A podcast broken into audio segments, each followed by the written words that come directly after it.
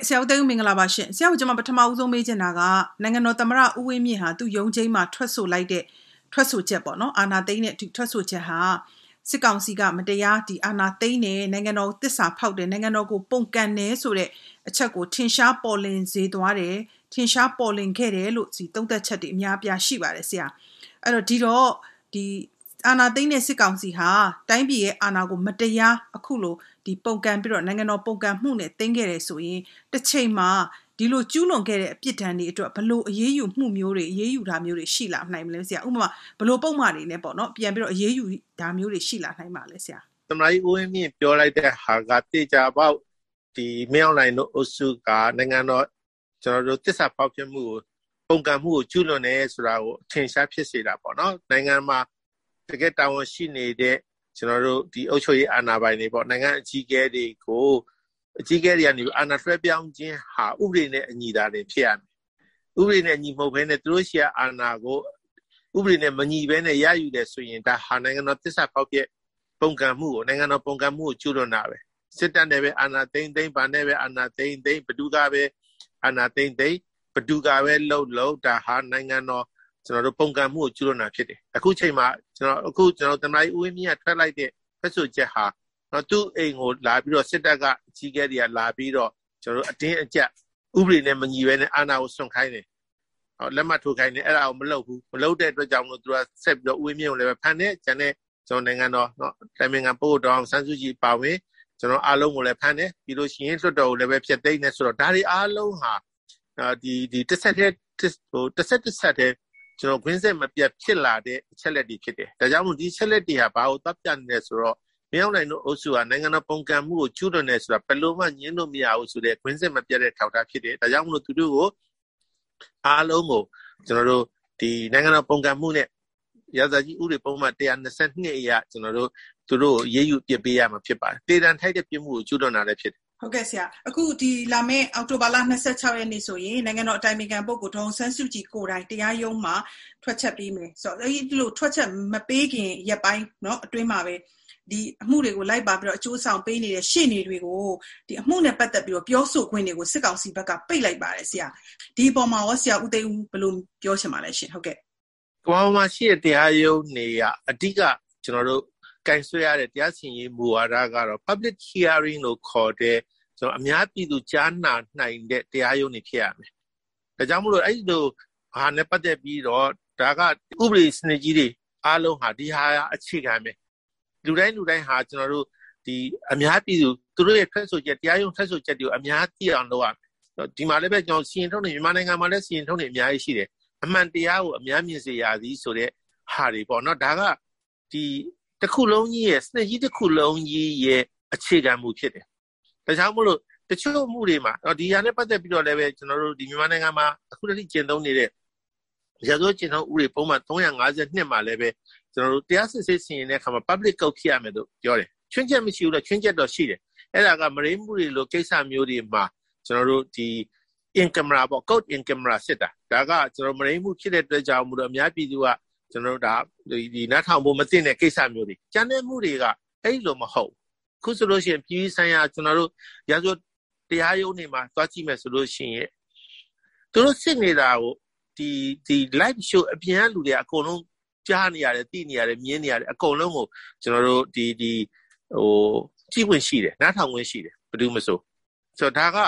ကျွန်တော်တို့ဒီဒီအမေရိကန်လိုနိုင်ငံမျိုးမှာလည်း Supreme Court လိုဟာမျိုးတောင်မှတော့အကုန်လုံးကဒီ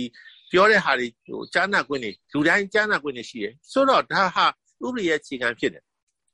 အခုကိစ္စကပို့ပြီးတော့တောင်လုပ်တင်တယ်ဘာလို့လဲဆိုတော့ခါကြတော့နိုင်ငံတော်ရဲ့ကျွန်တော်တို့ဒီခေါင်းဆောင်တွေကိုစစ်ဆေးတဲ့အမှုကိစ္စတွေဖြစ်တယ်ဒါကြောင့်မို့လို့သူတို့ရဲ့သူတို့နဲ့ပတ်သက်တဲ့ကိစ္စတွေဟာလူထုသိရမယ်ကိစ္စတွေဖြစ်တယ်ဒါ public interest ပေါ့လူထုရဲ့အကျိုးစီးပွားအတွက်ကိုအားလုံးသိရမယ်ကိစ္စဖြစ်တယ်အဲ့ဒီလိုတော့ ဒီဒီစစ်ဆေးတဲ့ဟာတွေမှာတရားရုံးမှာထွက်ဆိုသွားပြီးပြီဆိုလို့ရှိရင်အဲ့ဒီဟာတွေပေါ်မှာလူလူသိအောင်ကျွန်တော်လုပ်ပိုင်ခွင့်ရှိတယ်တနည်းတစ်ခုပဲရှိတယ်အဲ့ဒီအပေါ်မှာကျွန်တော်တို့တရားရုံးကအမိမချမှတ်ခင်အတော်တွင်းမှာတော့ကျွန်တော်ဝေဖန်ဝေဖန်ခွင့်မရှိဘူးအဲ့ဒါဆိုရင်တော့တရားရုံးကိုမထိန်မထီမဲ့မြင်ပြရကြအဲ့လိုမဟုတ်ဘဲနဲ့သူထွက်ဆိုခဲ့တဲ့အချက်တွေကိုပြောတာဟာတကယ်ကိုလောက်ရမယ်လို့ဖြစ်တယ်အဲ့ဒါကိုအခုလုံးလို့မရအောင်ပိတ်လိုက်တာဟာထပ်ပြီးတော့ကျွန်တော်တို့ဥပဒေကိုချိုးဖောက်လိုက်တာဖြစ်တယ်တနည်းအားဖြင့်ပြောမယ်ဆိုလို့ချင်းအဲ့ဒီအမိန့်ထုတ်တဲ့ ဟာကသူ့မှာခွင့်အာဏာလည်းမရှိဘူးအဲ့လိုလောက်ပိုင်ခွင့်လည်းမရှိဘူးလောက်ရမှာကကျွန်တော်တို့ခရိုင်တရားသူကြီးကတရားခရိုင်တရားသူကြီးမှာပဲပုံမှန်144ထုတ်ပိုင်ခွင့်အာဏာရှိထားတာအခုတော့အဲ့လိုမဟုတ်ဘဲနဲ့ထုတ်လိုက်တယ်အဲ့ဒါကိုလည်းပဲတရားရုံးကဘာမှမပြောဘူးတရားသူကြီးကငြိမ်ပြီးလက်ခံနေတယ်ဆိုတဲ့အခါကျတော့တရားသူကြီးကိုယ်တိုင်တရားသူကြီးတွေကိုယ်တိုင်၌ကအကြောက်တရားနဲ့တရားစီရင်နေရတယ်အမှန်တရားကိုမပြောနိုင်မပြောရဲဘူးမပြောနိုင်ဘူးလို့ဆိုတာကိုထင်ရှားနေတာပေါ့နော်ဒါကြောင့်မလို့ဒီဥစ္စာတွေဒီတကယ်ကို ကျွန်တော်တို့တရားစီရင်လမ်းကြောင်းကြီးတစ်ခုလုံးကိုတွေ့ဖဲနေတဲ့ကျွန်တော်တို့လောက်ရဖြစ်တယ်အမှန်တရားကိုအများမြင်စေရသည်ဆိုတဲ့တကယ်မူဝါဒကိုချိုးဖောက်ပြီးတော့သူလှုပ်ချင်တာငါတို့လှုပ်ချင်တာလှုပ်တယ်ကွာဘာပြုလဲဆိုတဲ့မင်းမဲ့ဇေယိုက်ဆန်တဲ့အလုပ်ကိုလုပ်နေတဲ့မတရားတဲ့တရားယုံမတရားတဲ့မတရားယုံမဲ့ဖြစ်တယ်လို့ကျွန်တော်ပြောချင်တယ်ဟုတ်ကဲ့အခုဆိုရင်ကျမတို့ဒီနိုင်ငံတော်တိုင်ပင်ခံပုဂ္ဂိုလ်ဒေါန်ဆန်းစုကြည်ကိုဆွဲဆိုထားတဲ့အမှုတွေမှာအခုအချိန်အထိနော်ဇက်တိုက်စစ်ဆေးနေတယ်ဆိုပေမဲ့အခုအချိန်အထိ ဒါခိုင်မာတဲ့တက်သေးအထောက်အထားသက်သေဆွဲဆိုချက်တွေဘာမှမရှိဘဲနဲ့ဒါရင်ဆိုင်နေရတာဖြစ်ပါတယ်ဒါဟာအမတန်နစ်နာတယ်ဆိုတဲ့သုံးသက်ချက်တွေရှိပါတယ်ဒီလိုနစ်နာမှုမျိုးတွေအတွက်တစ်ချိန်မှာဘလို့ပြန်ပြီးတော့ဓာတ်ယူတာတွေလုပ်နိုင်မလဲဆရာဟုတ်ကဲ့အဲပထမဆုံးကတော့ဟိုဟိုပြောချင်တာကတော့လေအခုကတရားရုံးနေတရားမှုသာစစ်နေတယ်တကယ်တမ်းကျတော့အမိန့်နေစာရီထဲမှာရှိထားပြီးသားအမိန့်တွေကိုဖတ်ပြဖို့ပဲကြံတော့တယ်မစစ်ခင်ကလေးအမိန့်တွေကသူ့စာရီထဲမှာ တရားသူကြီးလက်ထက်မှာပေးထားပြီးသားဒီအမိန့်ကဘယ်လိုပဲလောက်ပဲအမှုကကျွန်တော်တို့တက်သေးကမထောက်ထားမခိုင်လုံးခိုင်လုံးမှုဘလောက်ပဲမရှိနေမရှိနေမိတို့ပင်ဖြစ်စိတ်ကမှုဆိုပြီးတော့ချမဲ့အမိန့်တွေကတရားသူကြီးအားလုံးလက်ထက်မှာစာရီထဲမှာရောက်ထားပြီးသားအဲ့ဒါကိုဖွင့်ဖတ်ဖို့ပဲရှိတယ်စစစ်ကလေးကြီးအဲ့ဒီတိုင်းပဲဒါကိုကျွန်တော်တို့မသိလို့တော့မဟုတ်ဘူးသိတယ်ဒါပေမဲ့အဲ့လိုသိတဲ့ဟာကိုလည်းပဲအဲ့လိုဖြစ်နေတာကိုလည်းပဲဒါဒီအားလုံးကသိဖို့ကဘာကသိဖို့အတွက်ဒီအမှုတွေပေါ်မှာဟိုကျွန်တော်တို့ ဟိုထုတ်ပြခြင်းတော့เนาะဒီကဘလို့ဖြစ်နေလဲမြန်မာနိုင်ငံတရားစီရင်ဘလို့ဖြစ်နေတယ်လဲဆိုတာကိုဟိုပြသခြင်းတို့ဒါကိုကျွန်တော်တို့เนาะဒီဒီဒီအခြေအနေကိုကျွန်တော်ရယူနေတာဖြစ်တယ်လို့ကျွန်တော်အဲ့လိုနားလဲအမေအမိန်ကတော့ဘာမှမရှိရင်လည်းဘာတက်တဲ့ထောက်ထားမှမရှိရင်လည်းသူအမိန်ကြီးကြိုရေးထားပြီးသားဆိုတာဒါအကုန်လုံးကသိတဲ့ကိစ္စဖြစ်တယ်အဲ့ဒါကြောင့်မို့လို့ဒီဟာကတရားနည်းလမ်းမကျတဲ့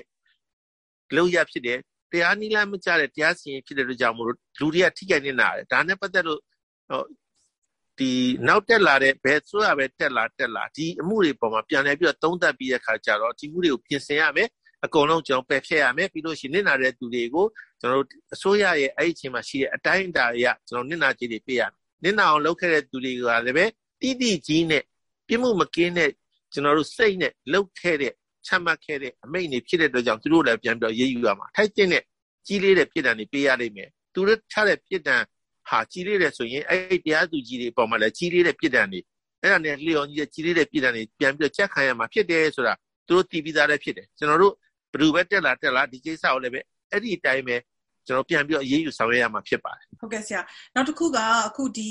ဒီမတရားဖန်ဆီးထိမ့်သိမ်းခံထားရတဲ့လူတွေကိုပြန်လွှတ်ပေးနေပါတယ်ဒါပေမဲ့လွှတ်ပေးရဆိုတာနဲ့တပြိုင်နက်ဒီပြန်ဖမ်းနိုင်ဆိုတာမျိုးတွေလည်းရှိနေတယ်ဆရာအကယ်၍ လွတ်လာတဲ့သူအများစုကလည်းခံဝင်ထိုးလာကြရတယ်ဘာဖြစ်လို့လဲဆိုတော့ဒီလိုလှုပ်ရှားမှုတွေမှာဆက်ပြီးတော့ပါဝင်မယ်ဆိုရင်ပြန်ဖမ်းခံရပြီးတော့အရင်เนาะအရင်ဒီသူတို့ဆွဲဆိုထားတဲ့အမှုရဲ့ပြစ်ဒဏ်တွေပါတပေါင်းနဲ့ခံရမယ်ဆိုတဲ့ဟာမျိုးတွေလည်းပါလာတယ်ဆရာဘယ်လိုမြင်ပါလဲရှင်ဟုတ်ကဲ့ဒီကိစ္စကြီးကတော်တော်ဆိုးတယ်ဗျာတော်ကိုအောက်တန်းကြတဲ့လောက်ရဖြစ်တာပေါ့ဗျာနောက်ဒီလိုကိစ္စမျိုးတွေမှာကျွန်တော်တို့ဟိုထပ်ပြီးတော့မပါတော့ပါဘူးဆိုပြီးတော့လက်မှတ်ထိုးပြီးတော့လွှတ်လိုက်တယ်ဆိုတာဆိုတဲ့ကိုကကြီး နောက်ထပ်နောက်မပါတော့ပါဘူးဆိုတာကိုသူကလိုချင်တာအဲ့တော့အခုကပါထားပြီးပြီဆိုတာကိုမလိမ့်တပတ်နဲ့ရအောင်လုပ်တဲ့သဘောလို့ကျွန်တော်မြင်တယ်ငါလူတွေကဆိုတာမဟုတ်တာကြီးတွေမဟုတ်တာနဲ့အမှုနဲ့ဆွဆွဲခံရတယ်ထောင်ထဲမှာရောက်တယ်ညှဉ်းပန်းနှိပ်စက်ခံရတယ်လွတ်ချင်တာပေါ့ဗျာလွတ်ချင်တဲ့အတွက်ကြောင့်မလို့နောက်မလုပ်တော့ပါဘူးဆိုတာကိုကျွန်တော်တို့ရေးလိုက်ကြရတာပေါ့ဒါကတော့ကျွန်တော်တို့အများစုကအဲ့လိုပဲဖြစ်မှာပဲဘာလို့ဆိုတော့အထက်ထဲမှာကတကယ်ကိုငရဲကန်းလို့နေရတာဟုတ်အဲ့တော့ နောက်မလုပ်တော့ပါဘူးဆိုတော့ကျတော့အခုလုပ်ပြီးသားမလို့နောက်မလုပ်တော့ပါဘူးဆိုတဲ့ခံဝန်ကြုံမျိုးကိုယူပြီးတဲ့အခါကျလွတ်ပြီးတော့ပြန်ဖမ်းတာဘလောက်မြန်အောက်တန်းကြတဲ့လောက်ရက်တွေကိုဟိုလုံနေတယ်လေတရားစီရင်ရတယ်ပဲဒါဒီလောက်အောက်တန်းကြတဲ့ကိစ္စတွေကိုဟိုအထက်တရားရုံး Supreme Court ပေါ့နိုင်ငံတော်တရားရုံးချုပ်ကတရားသူကြီးတွေဒါကိုဘာလို့မျက်စိပိတ်ပြီးတော့မသိကြအောင်စောင်းနေရတယ်အဲ့လိုလုပ်လို့မရနိုင်ငံတော်အမြင့်ဆုံးတရားရုံးဆိုလို့ရှိရင်အောက်ရုံးကလောက်ရက်တွေကိုအောက်မှာတရားမဲ့လုံနေလောက်ရက်ကိုညွှန်ကြားချက်ချက်ချင်းထုတ်ရတယ် ဘာကြောင့်မို့လို့ဒီတရားသူကြီးတွေကငြိမ့်နေရတာလဲအဲ့ဒါဆိုလို့ရှိရင်အဓိကကတော့သူတို့လည်းပါနေလို့ပဲသူတို့လည်းသဘောတူနေလို့ပဲသူတို့လည်းပဲဖြစ်ကျူးလွတ်နေတာပဲဆိုတာကလုံးဝညှင်းလို့မရတဲ့အနေအထားဖြစ်တယ်ဒါကအင်မတန်မှအောက်တန်းကျတဲ့လောက်ရဖြစ်တယ်လို့ကျွန်တော်ပြောချင်ပါတယ်အဓိကကတော့ဒီတရားရုံးတရားသူကြီးတွေဆိုတာဥပဒေအကြောင်းကိုသေချာသိပြီးသားဖြစ်တယ်ဥပဒေရဲ့မျက်နှာကိုပဲကြည့်ရမယ်ကျန်တဲ့မျက်နှာကိုကျန်တဲ့သူကိုဘယ်သူမှကြည့်ရမလို့တကယ်လို့အဲ့လိုမဟုတ်ဘဲနဲ့ဥပဒေမျက်နှာမကြည့်ဘဲနဲ့ ဥပဒေနဲ့ဆန့်ကျင်တဲ့လောက်ရတွေကိုကျူးလွန်နေဆိုလို့ရှိရင်ဒါဟာသူတို့တွေပြစ်မှုကျူးလွန်တာပဲတနည်းအားဖြင့်ပြောမယ်ဆိုရင်အာဂရိလိုက်စားတာပဲဒါတော့သူတို့မှပေးထားတဲ့အာဏာတွေကိုအလွဲသုံးစားလုပ်တာပဲ justice must be done anytime anywhere ဆိုတာနော်တရားမျှတမှုဟာအချိန်ဘယ်အချိန်မဆိုဘယ်ခါမဆိုဘယ်နေရာမဆိုပြန်နေပြီးတော့ရောက်ရှိလာမှာဖြစ်တယ်ဒါကြောင့်မို့ဒါတွေကိုအခုရှိနေတဲ့တရားသူကြီးတွေစစ်ဆေးနေတဲ့တရားသူကြီးတွေစံဖက်စစ်ကောင်စီရဲ့အလိုကျလုံနေတဲ့တရားသူကြီးတွေကဒီဟာကို ကျွန်တော်သတိကြကြထားဖို့လိုလိမ့်မယ်လို့ကျွန်တော်သတိပေးချင်ပါတယ်ဟုတ်ကဲ့ဆရာဦးသိန်းဦးကျေးဇူးအများကြီးတင်ပါတယ်ရှင်ဟုတ်ကဲ့